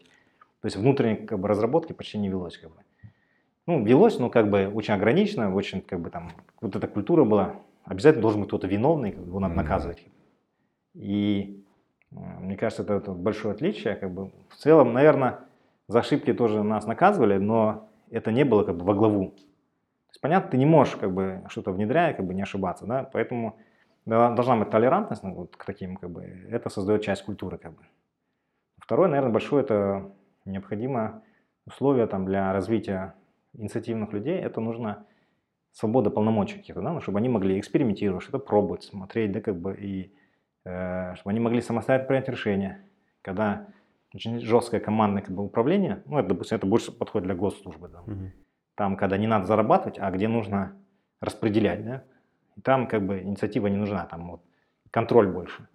В конкурентной среде это тяжело, да, поэтому, наверное, Каспий сейчас фактически там, ну, единственный, кто там реально что-то делает, как бы, и внедряет, потому что, ну, у них есть это, как бы, такая корпоративная культура к созданию инноваций, как бы, экспериментам. Это не пошло. Я помню, как они запускали какую-то кредитную карту, она прям был полный фейл. Э, Очень довольны. Они раз закрыли, перезапустили, перешли на какой-то другой продукт. То есть это нормально как бы для любой организации как бы делать ошибки. И это нужно понимать, как бы, в том числе, мне кажется. Мгм. Поэтому вот этого я не встретил. То есть там я не мог убедить там, что, допустим, ну, может быть, там я не самый там главный оратор, да, как бы мне было тяжело это там объяснить. И э, там, что, допустим, надо такие технологии использовать или такие, как бы. То есть есть специалист, как бы, ему, то есть какой смысл приглашать специалистов, если как бы ему там навязывают какие-то там Мгм. не дают возможность там, самореализовываться, как бы, принимать решения. И в этом плане, наверное, вот для себя я из-за этого в том числе пошел. То есть я, понимаете, тоже для меня это был большой дауншифтинг. То есть Мгм. работал, работал, там, ну, один из там, самых высокоплачиваемых сотрудников был, там какой-то наработанный опыт, там огромный коллектив. Ну, как бы сначала там пробуешь, предлагаешь, там, потом уже опускаются руки, не хочешь. Мгм. И я просто встал и пошел, как бы, то есть без каких-то этих там, жестких там, планов, просто как бы пробовать, скажем так, удачу. Мгм. А, Тогда давайте перейдем к, к вашему нынешнему, нынешнему стартапу, уже компании. А, Расскажите, тогда, как, как это произошло, потому что, наверное, первый вопрос, который у нас сразу возникает, даже с тем опытом, который у вас был, все-таки действительно, наверное, сложно переезжать и создавать стартап за границей, в новом маркете, то есть новый рынок. Нужны какие-то определенные начальные инвестиции. Вот можете рассказать немного про начальный период, как это получилось, да? Да, ну, то есть э, в целом, наверное, так как мы базово работали все в, ну, то есть я и там Ариф, мы работали в коммерческих структурах все то есть единственный источник для нас стартового капитала, это были наши накопления, это зарплаты, это бонусы, которые мы, в принципе, там достаточно неплохо заработали в свое время. Потом, ну, наверное, учитывая, что мы делали какой-то свой проект, то есть, ну, в таком режиме очень осторожного как бы расходования, потому что, ну, не безудержно там тратили, там как бы очень экономно, очень там, ну, сами делать. То есть я помню, у нас была там малюсенькая комната, мы там сидели вдвоем с ним, там троем, потом, потом четвером, условно, когда по мере расширения. То есть все функции мы совершали там как бы в основном сами, как бы, и, э, ну, наверное, где-то тоже чуть-чуть повезло. То есть в целом идея была сначала, мы думали э, сделать какой-то там банкинг концепт, какой-то платежный, потому что как бы на тот момент был очень много, э, модно вот эти все, условно, это револют, когда только появлялся. Мы пошли в эту сферу, потом пошли как бы параллельно я еще платежную тематику что-то там пробовал с э, рифом. Но в целом, наверное, мы поняли э, уже, что инвесторский интерес к э, традиционному банкингу, он падает, и, потому что это очень капиталоемкий бизнес, очень регулируемый сложный бизнес, и он требует постоянно вливаний, и как бы мы решили от этой идеи отказаться, как бы, ну, точнее, припарковать ее и вот сфокусироваться на платежности. И он не требовал таких больших изначально там вливаний, и там требовалось просто как бы знание процессов, знание как бы как это делается, и вот на этом сфокусировались. Плюс, наверное, где-то повезло, то есть мы, идея была там э, расти органически, э, то есть там выстроить технологию, выстроить процессы, получить необходимые регуляторные разрешения – и потом пойти на рынок и как бы, пробовать там предлагать, конкурировать. Это в 2020 году, да? Э, в 2019. В 2019 году. Угу. А вообще, почему Великобритания? Почему не в Казахстане не создать там какой-то... Ну, вот, то есть какой резонинг был именно в Великобритании? Ну, во-первых, в Казахстане платежными, как бы, вот, классическими платежными сервисами и лицензируемыми сервисами могут ну, заниматься только банки, да, то есть там требования по капиталу, там, я не знаю, сейчас 50 или 100 миллионов, да, как mm-hmm. на тот момент. Э, сразу отсекает как бы, возможность. Ну, во-вторых, рынок очень маленький. А тут по-другому? Здесь по-другому, да. То есть ты как банк можешь и как не банковская рынок подавать, получать лицензию платежную, как бы, и если соответствующие требованиям, то можешь как бы заниматься. А, вот. Второе, наверное, то, что рынок несоизмеримый. То есть UK это все-таки там самый крупный финтех рынок, да, там после США. Там считается самый платеж, крупный платежный рынок в Европе. А, плюс, наверное, англоязычная как бы среда у нас обоих была, как бы там нам было проще. Потом после Хьюстона и такой вот климата, жара, влажность, мне понравился климат Великобритании, как бы, э, и до сих пор как бы вот у меня климатит. Ну, и в-третьих, наверное, то, что все-таки недалеко от Казахстана, как бы там можно в течение дня прилететь, если надо там улететь, и как бы в Америке все-таки там едешь, это как на какой-то вообще край света, и как бы там отсекаешь все, что там есть. Мир, да? да, то есть вот там раз, и Казахстан как-то перестает существовать для тебя. Здесь это все равно, вот, особенно учитывая, наверное, UK, здесь постоянно кто-то прилетает, улетает, ну какой-то разрыва от Казахстана ты не чувствуешь такого большого. Ну, наверное, как бы потом все-таки я большой любитель футбола, и мне нравился там как бы футбол. Я в Америке страдал, потому что не было футбола, не мог посмотреть нигде нормально. И у меня мечта была все-таки ходить на матчи вживую, на стадионы, и как бы вот, наверное... Какого клуба а, Я с 2000, ну, 2000 года за Челси болею прям. Я не просто за Челси болею, я на всех финалах был. Я это, ticket season holder. А, Надо сходить туда вместе. Да, да. Ну, я, я пока membership holder, но потихоньку season holder даже. Угу. А про, про кофаундера вашего тоже скажешь, как вы друг друга нашли, за счет чего и вообще откуда знакомы? Ну, Ариф, э, мы с ним работали вместе в Каскоммерцбанке. До этого он работал, строил карьеру, тоже начинал буквально тоже self-made. Начинал со специалиста и стал там сам председателя в IBM Amro в казахстанском. И ну, это вообще там по-своему гений, как бы, да, как бы, и э, я думаю, здесь вот это сработала синергия, что он очень такой экстраверт и как бы очень легко находит коммуникации, выстраивает э, там отношения с людьми, инвестиции. Я больше продукт-технологий как бы ориент, да, и как бы могу команду строить, больше такой фокус как бы. И в этом плане, наверное, вот эта синергия где-то и сработала, то, что мы провернули очень хорошую там, ну, как бы сделку инвестиционную и привлекли э, институциональных инвесторов, э, там, свой стартап – и построили, и как бы начали конкурировать уже там с гигантами, и как бы, ну, по сути, технологически отбираем у них за счет своих там продуктовых преимуществ. Mm-hmm. Как-то так. И вот в целом это партнерство сработало и работает до сих пор. А вообще, если э, рассказать э, коротко, что такое сейчас вот DNA Payments, какие вот продукты у вас есть в, в плане платежа? Это POS-система или что? Да, на самом деле это платежная компания, которая по-своему как бы, ну, скажем так, уникальна. Да? То есть, во-первых, нам всего 4 года. Да, там. За 4 года мы сделали, э, то есть мы росли и органически, и за счет э, вот, привлечения средств от инвесторов очень активно росли по M&A. То есть мы сделали ну, почти 8 сделок за последние там, 3 года. Э, покупали компании уже с действующей клиентской базы, интегрировали их, это позволило нам быстро вырасти. На сегодняшний день мы в общей сложности процессим а, платежей, наверное, ну, уже больше точно, чем Халык и Газком вместе взятые. А, мы сейчас ну, больше 10 миллиардов а, фунтов как бы, в год обслуживаем платежей. А, мы являемся ну, компанией с лицензией от FCA, как бы, мы являемся компанией, которая является прямым членом Visa и MasterCard, UnionPay, Diners Club там, и так далее, и так далее. Мы компания, которая может оказывать услуги как бы и face-to-face, то есть это традиционные терминалы, какие-то там аппараты, какие-то там vending machines там, и так далее. Ну, яркий пример, допустим, транспорт for London. То есть это один из наших клиентов в том числе, да, как бы. Или э, классический онлайн, да, когда вы открываете онлайн-шоп и принимаете платежи, ну, какой-нибудь там Саутхэмптон, какой-нибудь футбольный клуб, он продает товары онлайн, ну, свои футболки там и так далее, и вы когда оплачиваете, оплачиваете через нас фактически.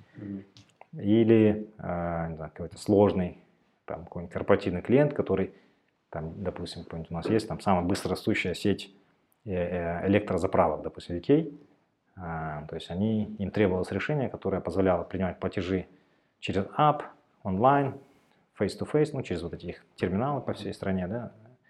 Но это все должно было быть сделано так, чтобы они видели транзакции, комиссии через API, и они, ну, то есть для них было прозрачно ценообразование, они могли как бы это как бы четко управлять. Вот. И, наверное, вот этим мы и берем. Ну и то, что, наверное, еще вот большой плюс, это то, что все-таки, когда я работал в Каскоме, и когда работал там в Халке, я понимал, как бы, как это все понятно строить, но технологический легаси всегда было, что это дата-центры, это как бы э, там огромная инфраструктура строится, и как бы это очень дорого вот это все строить. Сейчас, наверное, порог входа технологически он упростился, и у нас вся инфраструктура, она в клауде. То есть мы не содержим дата-центр. Ну, есть у нас там небольшой дата-центр, где сидит какой-нибудь там оборудование визы или MasterCard там стоит, как бы, или там какой-нибудь HSM, это криптооборудование. Все остальное, все, сервера у нас, все онлайн, это значит, с точки зрения scalability у нас там вообще ограничений нету, да там и скорость, как бы, как мы можем там удвоить там, или утроить там, свои процессора, ну, мгновенно, как бы. Это, конечно, позволяет нам как бы обходить просто конкурентов с точки зрения скорости продуктов, развития, time to market там, и так далее. А вот э, можете ли вы сказать, что банки в Великобритании менее цифровизированы, допустим, чем в Казахстане, или, или наоборот, и за счет чего у вас вот вначале удавалось то есть заходить в такую сферу, где, по сути, в Казахстане большинство занимает банки, да? Ну, наверное, во-первых, банков в Казахстане очень мощное лобби на уровне как бы э, национального банка и там законодательства. То есть до сих пор не разрешают они, допустим, э, другим небанковским организациям заниматься там платежным рынком. Поэтому имеете феномен, когда есть супер там два монополиста, которые как бы это, понятно, что они никогда не будут рады тому, чтобы появился там небольшие частные компании, которые будут с ними конкурировать. Потому что они их обойдут сразу. Mm-hmm. Ну, потому что базовому клиенту, да, как бы там какому-нибудь юридическому магазину, ну, без разницы, это будет Халык, это будет Каспи, это будет там какой-нибудь Форта. Злонос, как бы там условно, это дешевле и быстрее, как бы. То есть, ну, как бы у них нету вот этой, скажем такой, привязанности исторической там к одному банку или к другому. То есть, если это сервис оказывается быстрее, люди приветливые, сервис лучше, но они будут передвигаться. Наверное, mm-hmm. вот здесь мы, почему выбрали эту нишу великобританию, потому что все равно на двух крупнейших игроков приходилось почти 50% рынка. Это Barclays. Это Barclays и WorldPay, такая компания, крупнейшая в мире, платежная организация. Э, вот они владели в основном как бы этим бизнесом как бы в UK. Они, понятно, то есть мы в основном конкурируем с традиционными игроками, это Barclays, это Lloyds, это там, ну, то есть существующие игроки, и как бы в основном отбираем клиентов там. там. Потому что э, процессы сложнее у них, там, онбординг, как бы продукты, выписки, там, ну, и масса нюансов, мы как бы обходим по этой части. Mm-hmm. А, почему, допустим, это они более сложные или ну, как бы менее автоматизированные здесь? Ну, во-первых, Потому что во главу угла все остается защита прав потребителей. Э, и как бы конфиденциальность информации, плюс э, очень требовательные законы, связанные с anti-money laundering, KYC, KYB, то есть вот эти процедуры, связанные с определением конечных бенефициаров, процедуры, связанные на прозрачность взаимоотношений. В Казахстане это гораздо проще, поэтому многие вещи как бы они обходятся, да, ну по сути там. То есть формально они есть, но по факту их нет там условно. Здесь открыть счет очень сложно. То есть ты должен действительно доказать, что это ты, это ты, ты проживаешь по этому адресу и так далее, и так далее. Поэтому э, априори как бы понятно, что мы, ну, английские банки там и казахские банки, они не в одной как бы сегменте. То есть они обязаны соблюдать эти требования, Казахстане как бы не обязаны как бы. Э, это уже создает как бы прецедент. Во-вторых, как бы понятно, антимонопольная как бы, э, ну невозможно такой феномен, когда один банк обслуживает его, его разделили бы там заставили бы как бы отказаться от какой-то области и так далее. То есть в целом, наверное, так как в Казахстане очень мощное лобби у банков, понятно, что они будут и дальше как бы заниматься таким положением, как бы их всех устраивает. Mm-hmm. Хотя там с точки зрения здравого смысла, наверное, ну, это плохо для потребителя в конечном итоге. Проигрывает потребитель, когда переплачивает. Mm-hmm. То есть если в Казахстане за счет продукта сложно все-таки продвигать, допустим, финансовый продукт, здесь за счет вот именно каких-то деталей, улучшения, оптимизации продукта для клиентов, ты все-таки можешь каких-то даже да. больших игроков. То есть здесь клиент, он вправе как бы выбирать, и он этим активно пользуется. И в этом плане как раз это создает основу для небольших финансовых компаний успешно как бы здесь и работать. То есть э, если они соблюдают все как бы там э, нормы, если они как бы, э, словно говоря, технологически более интересные, продукты лучше, их будут выбирать. Не может там банк навязывать какие-то свои услуги или там обязывать. И в этом плане как раз ну, это создает условия для появления финтех-компаний. Поэтому есть Monzo, поэтому есть Revolut, поэтому есть там масса других компаний, которые здесь появятся. Помню, Александр из УП тоже э, говорил про вот эти причины на законодательном уровне, то что, ну, как одна из проблем, почему УП, УП сейчас типа сложно в Казахстане. Ну вот я в УП просто ребят хорошо знаю, прям на моих глазах они росли, и в УП, и там Paybox, и остальные как бы э, финтех-компании. Да? В свое время, когда, будучи в Каскоме, много мы как бы э, делали такой friendly environment для финтеков. Как бы. Сейчас им даже и некуда, потому что они фактически конкурируют там, с крупнейшими игроками, и им тяжело как бы масштабироваться, потому что ну, как раз они в неравных э, э, условиях с точки зрения там, законодательства.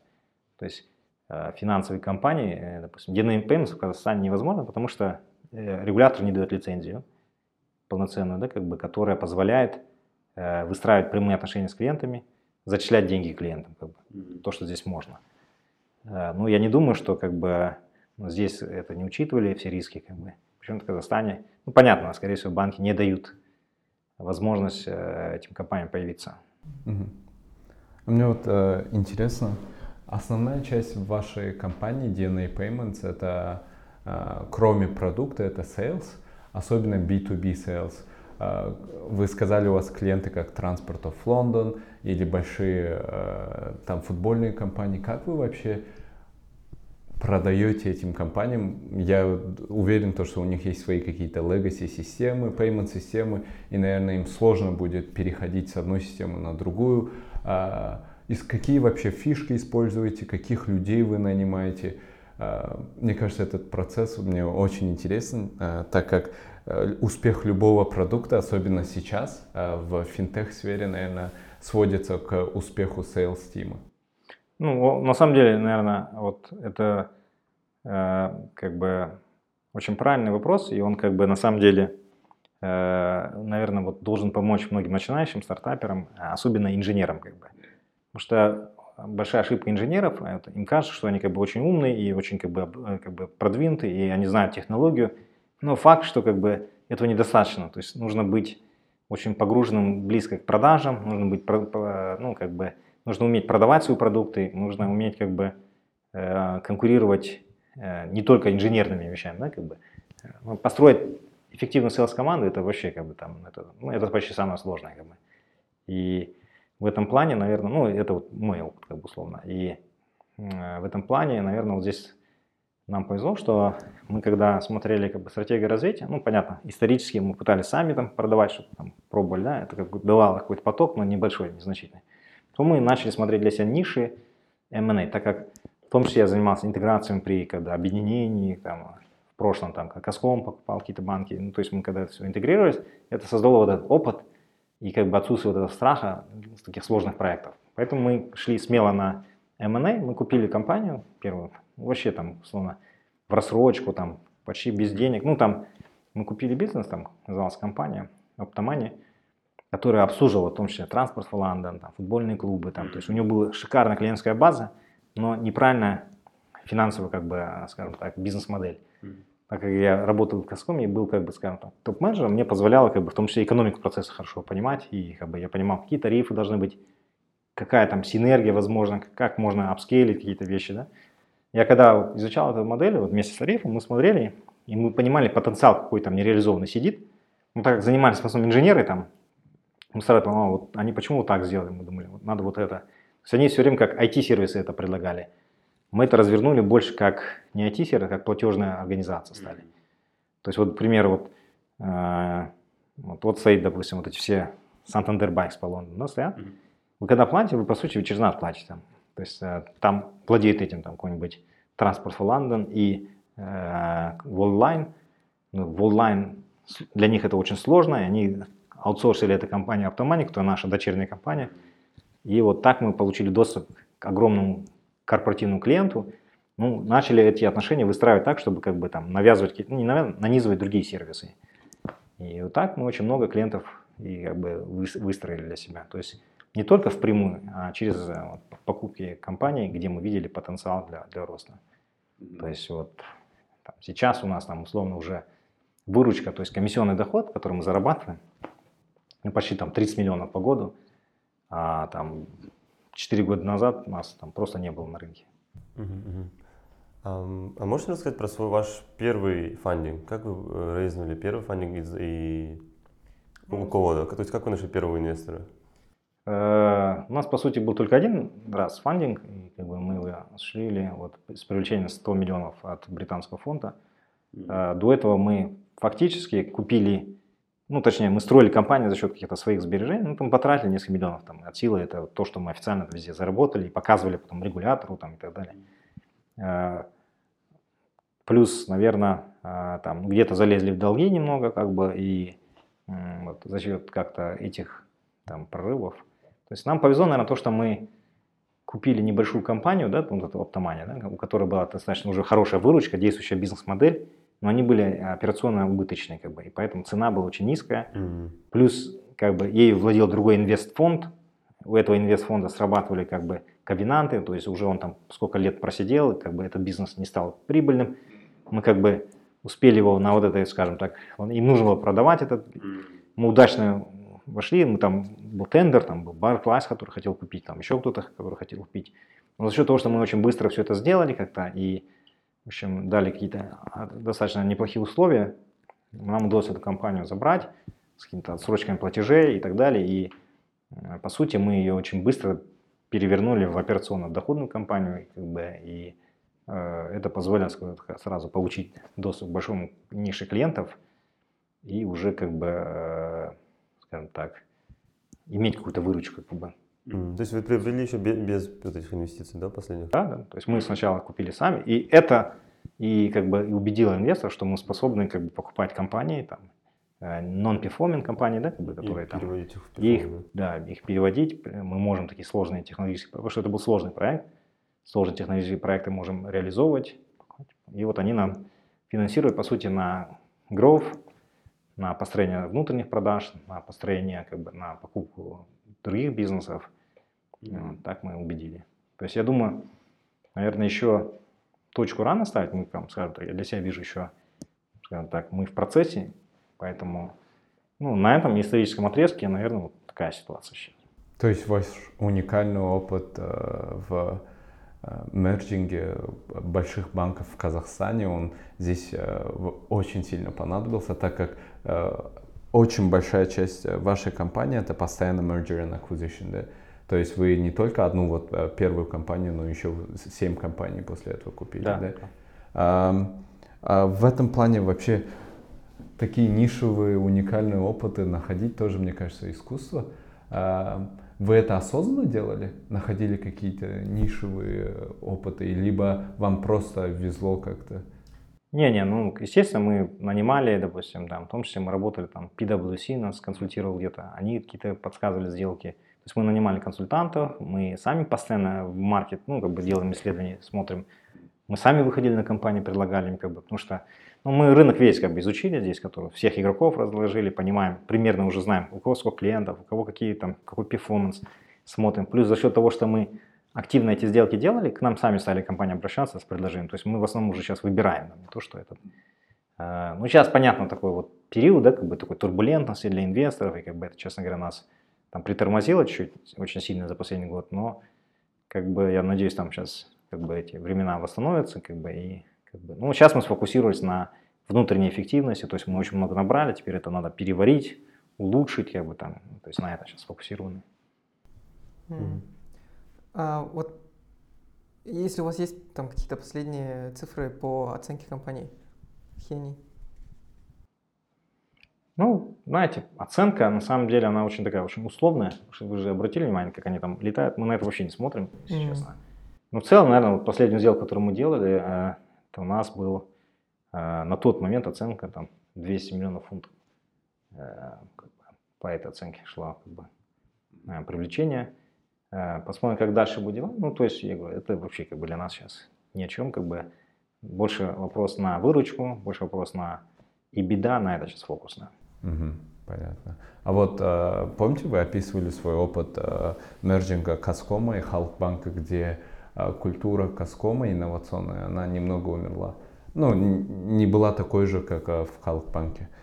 Как вы вообще а вы сейчас мержите, аквайрите очень много компаний. Как вы вообще смотрите на культуру? А, Видите, вот сейчас, эту культуру? будучи уже в этой ситуации, когда я покупающая да. сторона и как бы, как бы мигрирую, и я понимаю, как бы, и в том числе понимаю логику тех решений во многом, и как бы ну, какую-то осознанность, она сейчас ко мне приходит. Если раньше это больше эмоционально, почему это не сохранить?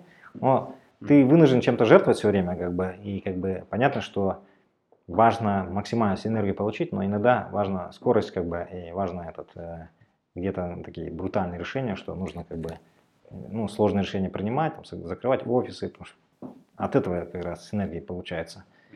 И где-то, да, к сожалению, приходится и сокращать где-то конкретно там э, людей. Э, ну, здесь как бы, понятно, здесь трудовой закон совершенно другое, и здесь невозможно делать те вещи, которые были в Казани. И здесь нужно соблюдать, понятно, совсем другие требования, и в том числе надо быть достаточно осторожным как бы, вот, в таких вещах, и, потому что во главу надо ставить интересы клиента и э, сотрудников компании. Э, ну, UK это как бы все равно такой более friendly environment по сравнению там, там, с континентальной Европой, где если ты взял кого-то на работу, то почти там женился, да, там почти невозможно его уволить. Ну, то есть там, он должен очень сильно как бы там э, underperformить, чтобы его там можно было сократить. Там, это не Америка, где можно там по e сократить людей. То есть, ну, понятно, более социалистический уклон такой, как бы, да, и это надо учитывать. То есть, это, наверное, э, тоже большой, наверное, вот, скажем так, если какие-то соотечественники будут открывать здесь бизнесы, вот это надо очень важно учитывать, что трудовое законодательство на, на стороне сотрудников, как бы, и это надо учитывать. В этом плане тогда у вас э, разра... команда разработчиков, основная команда разработчиков, она в Британии либо в Казахстане? И как вы вообще думаете про разработку продукта? Где вы хотите, чтобы ваша основной, э, основная команда разработки была? Ну, скажем так, у нас нету такого, что вот центр разработки должен быть только там, там или только здесь, да, как бы. И э, ну, мы космополиты, в целом, наверное, там, э, Здесь, в UK, у нас, ну, я не знаю, в общем где-то под 50 количество IT-команды. Это и продуктовики, это, это и разработчики, и есть очень уникальные люди, прям действительно там шикарно, да, которые я не видел компетенции нигде. И здесь вот у нас такой healthy mixture, как бы, и есть, скажем так, э, то есть, допустим, если говорить про какие-то новейшие технологии, да, то там проще их там брать в Казахстане, потому что как бы там люди более готовы к таким. Здесь более легаси или какие-то узконишевые. Но в целом, я думаю, так, у нас нет какого-то четкого представления, что надо брать или там, или здесь.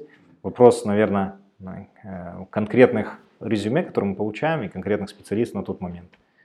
А, там, понятно, что работая там в свое время там, там, в крупнейших там, банках, там, у меня есть доступ там, к большому количеству сотрудников, да, с которых я хорошо знаю, которые там со мной работали. И это, наверное, там где-то помогло очень быстро набрать людей. А, но, скажем так, мы здесь активно нанимаем, в том числе людей.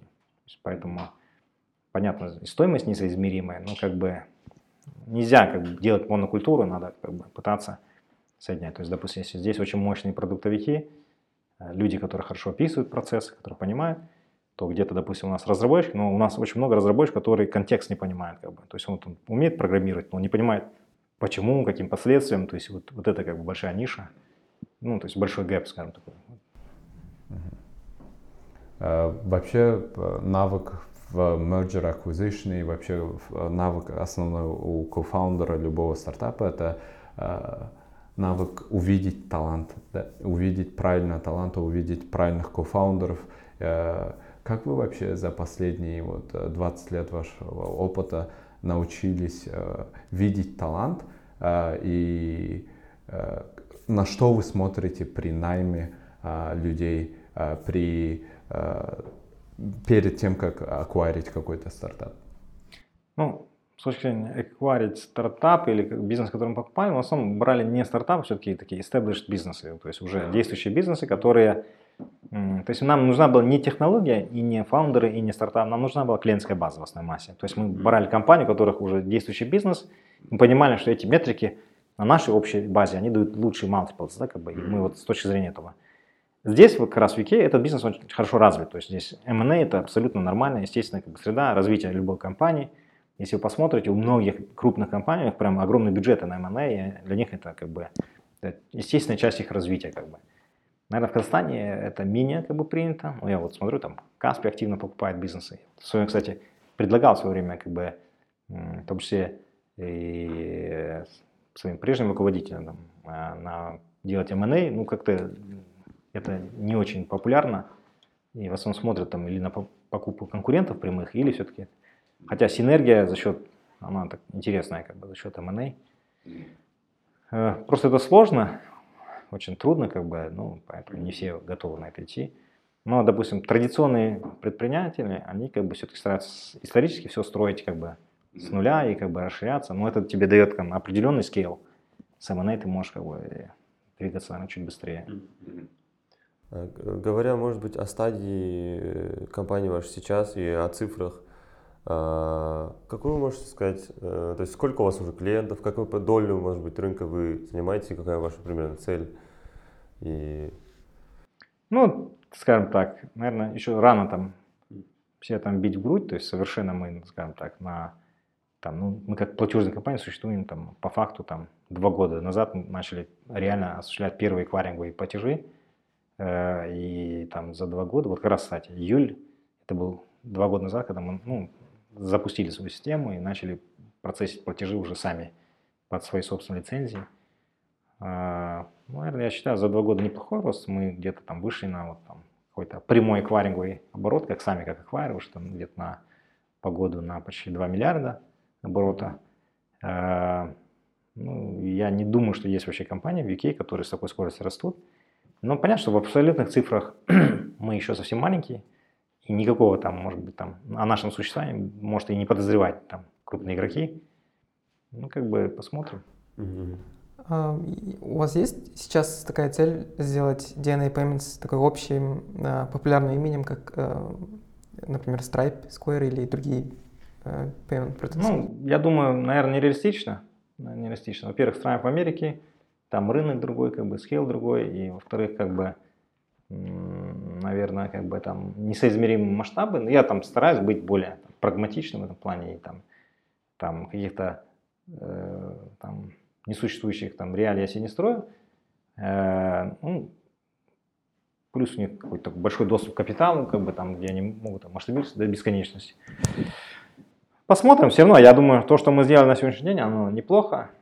Наверное, дальше как бы все как бы там, оно становится более предсказуемым, наверное, такого большого роста уже там тяжело добиваться, да, как бы на, понятно, есть эффект малых цифр, когда ты быстро растешь.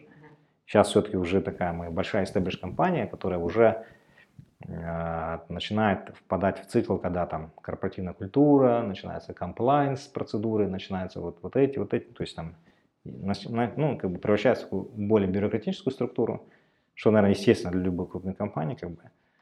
Поэтому, наверное, скорость там замедления, ну, она будет замедляться, развитие. Но в целом еще, как бы, понятно, нужно расти там спокойно там дальше. И, и я а, так реалистично, я не думаю, что мы там способны дойти до таких масштабов, да, как бы там Stripe это все-таки это феномен, э, это компания там ну, 100 миллиардов, 100. поэтому никаких предпосылок нам такой компании стать, наверное, нет, но как бы свою там нишу, там потом, ну, может быть, это не последний проект там, для меня, поэтому, э, но это первый с точки зрения там, там совместного там, с партнером, с точки зрения привлечения инвестиционных инвесторов – важно наработать имя, важно наработать, как бы там, а, скажем так, success stories, и это позволяет уже в будущем, конечно, там более масштабные вещи запускать. А, ну, в целом, пока вот, скажем такое, мы заточены на операционную эффективность, на, может быть, там следующий раунд в какой-то момент, и э, пока тупо расти, наращивать клиентскую базу. Ну, то есть даже ваша ниша, в принципе, рынок большой, куда еще расти? В этом Да, ну, то есть в UK это примерно там 250 тысяч новых бизнесов каждый месяц, каждый год открывается, да, SME.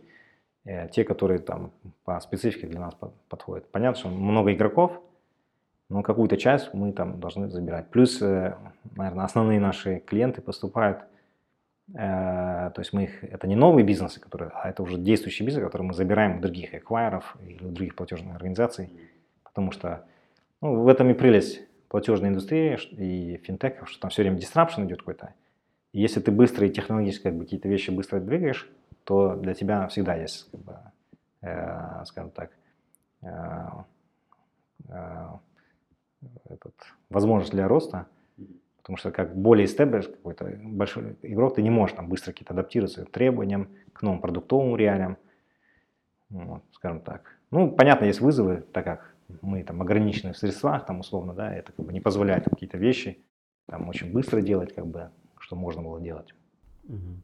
А вот хотелось узнать еще, а вот э, вы, получается, открылись примерно в период, когда начинался COVID. Он для вас положительную роль сыграл или... Э... Видите, сначала мы испугались, вот мы купили компанию, у которой основной бизнес был face-to-face. То есть это всякий транспорт, это э, крупные футбольные клубы, там, условно, и так далее, и так далее. То есть то, где большое количество физических лиц приходят и на месте расплачиваются. И Э, ну, то есть в один момент у нас резко остановилась там выручка, и, ну, сохраняясь обязательства по зарплатам и так далее. Повезло, что вот правительство здесь запустило программу вот когда можно было людей отпускать оплачиваемые отпуска, и правительство компенсировало то, как бы людей, которые там в тот момент, чтобы не терять рабочие места. Где-то это, на самом деле, COVID нам помог, наверное, убедиться в том, что, наверное, такое количество людей нам и нет необходимости держать.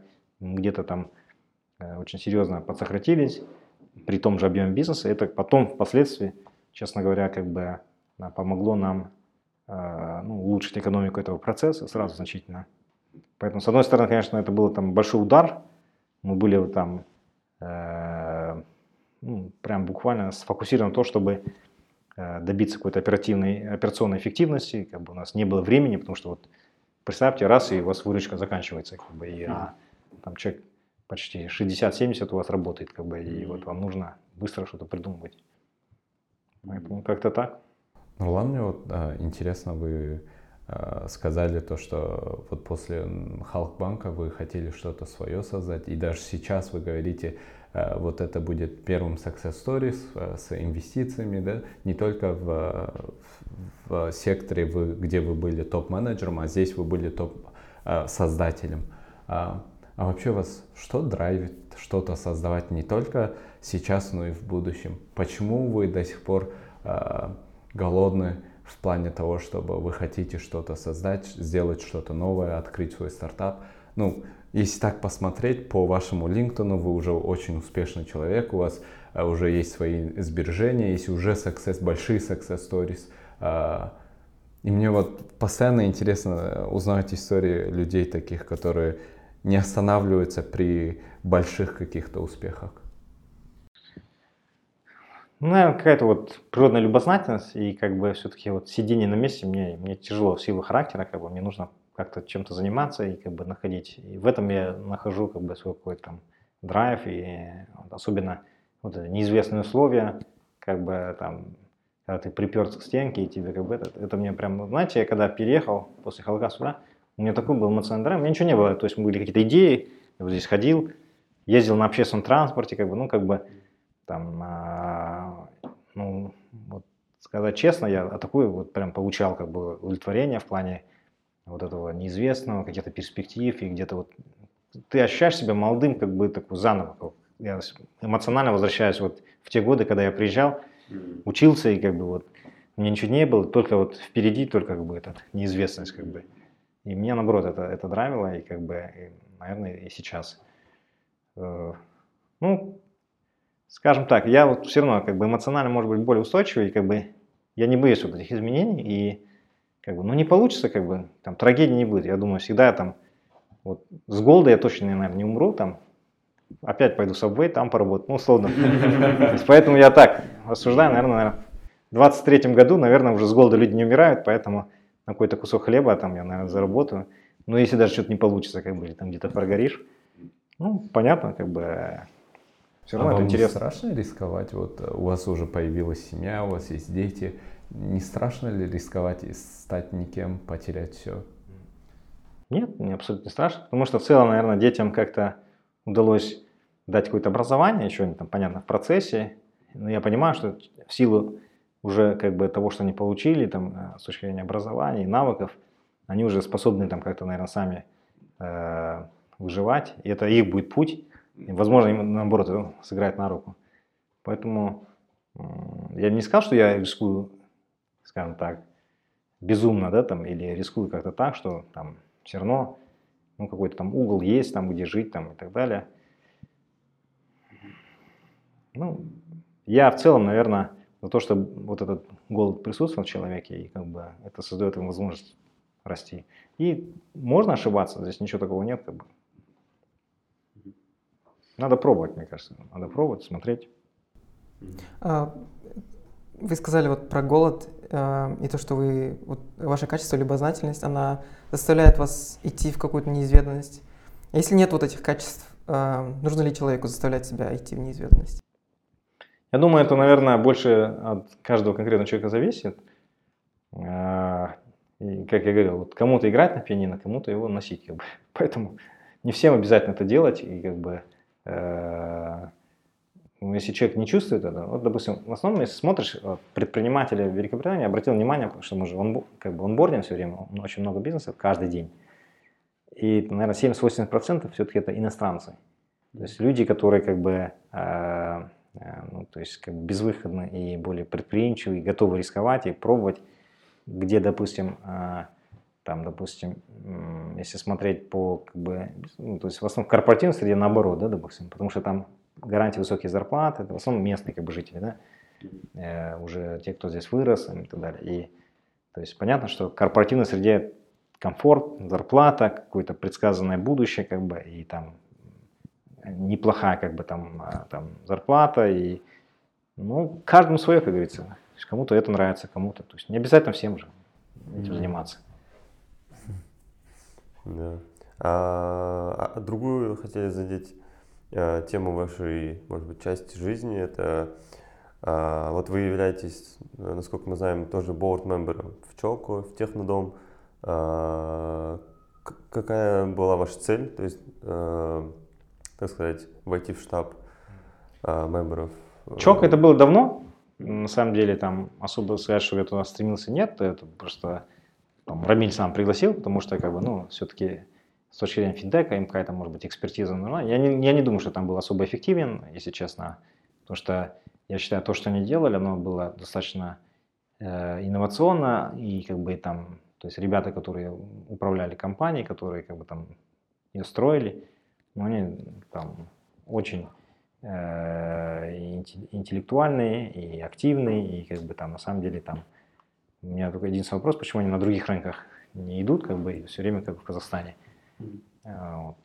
Там я, ну, наверное, с точки зрения технодома, ну, пригласили просто в силу исторической, как бы, какие-то там, когда еще работали вместе с Каскомом, вот мне позвонил CEO компании, сказал, вот, слышали, ты ушел, там, интересно будет где-то нас там, где-то консультировать. И вот там я где-то больше практическую пользу вижу, потому что там мы встречаемся вот там с акционерами, с, с правлением компании, с э, руководителями компании, и какой-то обмен опытом. Я им рассказываю, допустим, про местные какие-то рынки, какие-то делаю обзоры там небольшие. Там, ну, может быть, это не очень супер полезно, но где-то там расширение кругозора, что тоже они ориентировались не только там на какие-то внутренние метрики и как бы такой независимый взгляд. И в этой связи, наверное, вот какая-то такая идет от меня. Сейчас меня еще какой-то там пригласили банк э, в другой стране, и вот сейчас тоже смотрю, как бы, ну, больше такая, как бы. Для меня тоже интересно смотреть, как в других культурах, но я стараюсь там, так как не располагаю большим количеством времени, часто я как бы отказываюсь от этих всех э, офферов, и ну, так, очень, если мне тема интересна или регион интересен. А какая вообще роль, вот, если так посмотреть, board-мембера в компании, особенно если из- извне, да, обычно, какая роль и да... Ну, классическая, допустим, вот здесь в VK board member это очень powerful, как бы это они, э, по сути, они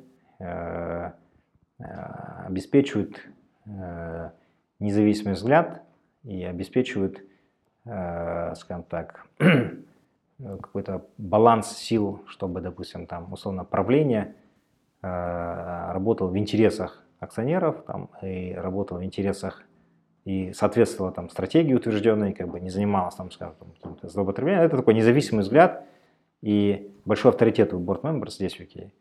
Э, Если говорить конкретно про Казахстан, ну, наверное, там во многих во многих как бы, случаях есть очень профессиональные у нас там board members, я там точно знаю много.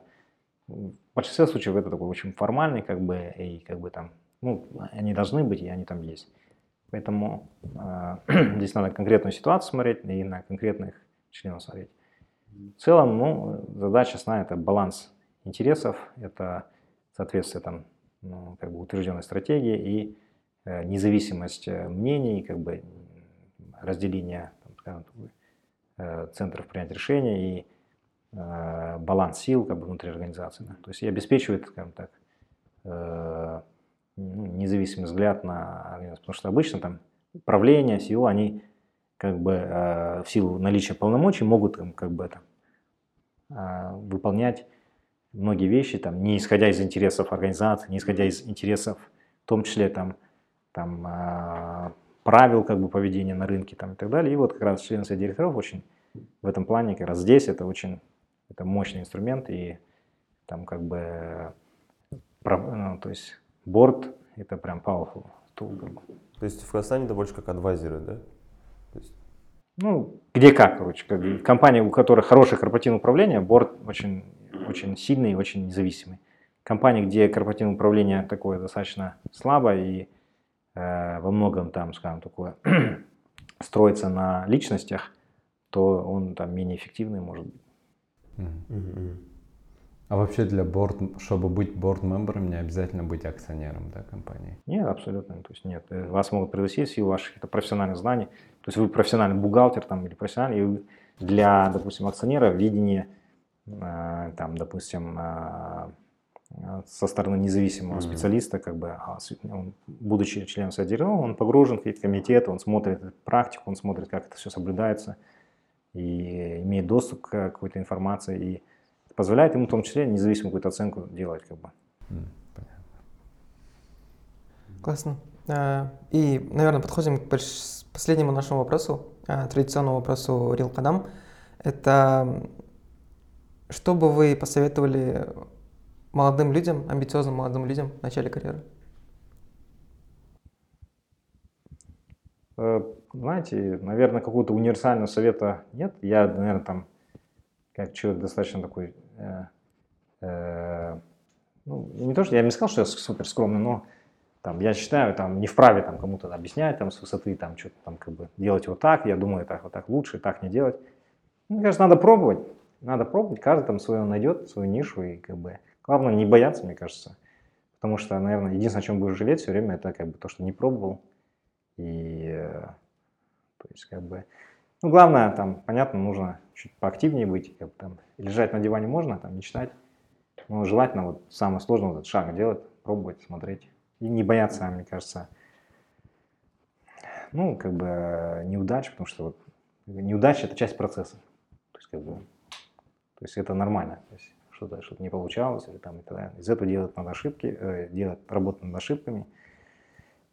Опять же, я знаю много недисциплинированных людей, совершенно не из этой области, которые успешные предприниматели. Как-то там уни- Какого-то универсального я не, я не вижу, если честно. Во многом, наверное, э, вот, любознательность, активность человеческая, как бы, и как бы желание что-то пробовать, вот это, наверное, предопределяющее для начинающих предпринимателей. И вот, наверное, во многом я бы хотел для инженеров, которые обычно очень интеллектуальные и очень как бы э, такие яркие интроверты, которые считают, что вот они все знают, и как бы вот весь мир они покорят, вот им где-то не хватает вот этих навыков э, таких селзов, коммерческих, а это основная часть для успеха компании, как бы в том числе, как бы, чтобы ты мог переговоры вести, где-то мог э, продавать свой товар, там, услуги и сервисы. И вот эти вещи надо прокачивать, развивать. Э, Вот, и, наверное, через нишу M&A тоже где-то смотреть, вот, где-то экспериментировать, покупать, инвестировать в какие-то действующие компании, не только пытаться все через самим делать, как бы, кажется, тоже интересный подход. Классно. А вот вы затронули про инженеров, которые э, думают, что они все знают, э, интроверты. Э, какие шаги могут вот эти инженеры сделать, чтобы прокачивать свой скилл сейлзов? Ну, надо, во-первых, как селс поработать, вот понять психологию продавца, да, то есть психологию покупателя. Вот я бы посоветовал просто поработать, не знаю, там, там, на холодных звонках, на... э, Да, ну, Subway это здесь чуть другое, как бы, все-таки там больше сервисные вещи, да, там процессы. Там как раз инженеры хорошо будут вписываться, потому что очень стандартные как бы формулировки, там, а вот условно там продать машину, это уже там другие навыки. Нужно как бы дать какую-то там условно рекламу, которая будет соответствовать, да, как бы клиенту там. Клиент приедет, там, с ним провести переговоры, там, убедить, там, что там приукрасить, где-то там что-то недорассказать. Ну, это тоже нюансы, да, как бы. Ну, это, это важно, мне кажется, вот уже эти навыки как бы развивать, в том числе, как бы. То есть, если человек стремится быть там главу компании, там, строить что-то успешное, то есть эти навыки необходимы. М, Там, я не скажу, что они у меня там супер развиты или там у меня там это сильная моя сторона, но мне бы это сильно бы еще помогло, наверное. То есть все-таки не доработал там в Subway, надо было мне еще в Старбаксе поработать. Да. Спасибо большое, Нурлан. А, Мне кажется, было очень крутым эпизодом. А, Узнали очень много не только в сфере а, там, стартапов, но и в сфере сейлза и вообще роста в Казахстане и за Казахстаном. Надеюсь, ваша компания будет достигать еще больших высот, и вы, это будет только первым success stories за Казахстаном и вы также будете создавать еще больше крутые истории и, э, э, и также помогать другим людям, э, включая казахстанцам, также расти, смотря на ваш пример. Спасибо большое. Спасибо. Ну, наверное, со своей стороны тоже хотел сказать. Вам спасибо, классный проект. И на самом деле я очень рад, что как бы вот этот идет такой бас в стране вот этих стартапов. И, и, наверное, был бы, мне кажется, все-таки вот большой совет как бы нашим соотечественникам, в том числе пробовать том- э, работать за границей, потому что здесь такие же люди. То есть я смотрю уровень, допустим, наш специалист, он ничем не уступает, где-то даже гораздо сильнее у нас есть ребята там. Поэтому, мне кажется, надо пробовать, смотреть. Э, Ничего страшного здесь нет, потому что все- в целом рынок Казахстана, он очень маленький а, для объективности. Очень маленький. То есть там очень много не очень богатых людей, как бы, да, и поэтому ориентироваться на этот рынок изначально, может быть, не, не очень правильно. То есть если смотреть на каких-нибудь украинских предпринимателей и белорусских, они сразу ориентированы на весь мир там, или на Америку, или... а там такие же люди, как у нас, поэтому как бы в этой части, мне кажется, надо многим стартапам, потому что я все, которые стартапы вот так смотришь в Казахстане, они в основном крутятся в стране, как бы. Мгм. И, наверное, вот поменьше пиара, а больше все-таки пост-пиара, да, уже после. Некоторым прям важно засветиться и... Меньше слов, больше дела. да? Да. Тогда всем спасибо, что смотрели нас. Это был 20-й выпуск Рила Кадама. А, надеюсь, вам понравилось. Ставьте лайки, комментарии, пишите ваши вопросы. Все, спасибо, пока. Спасибо.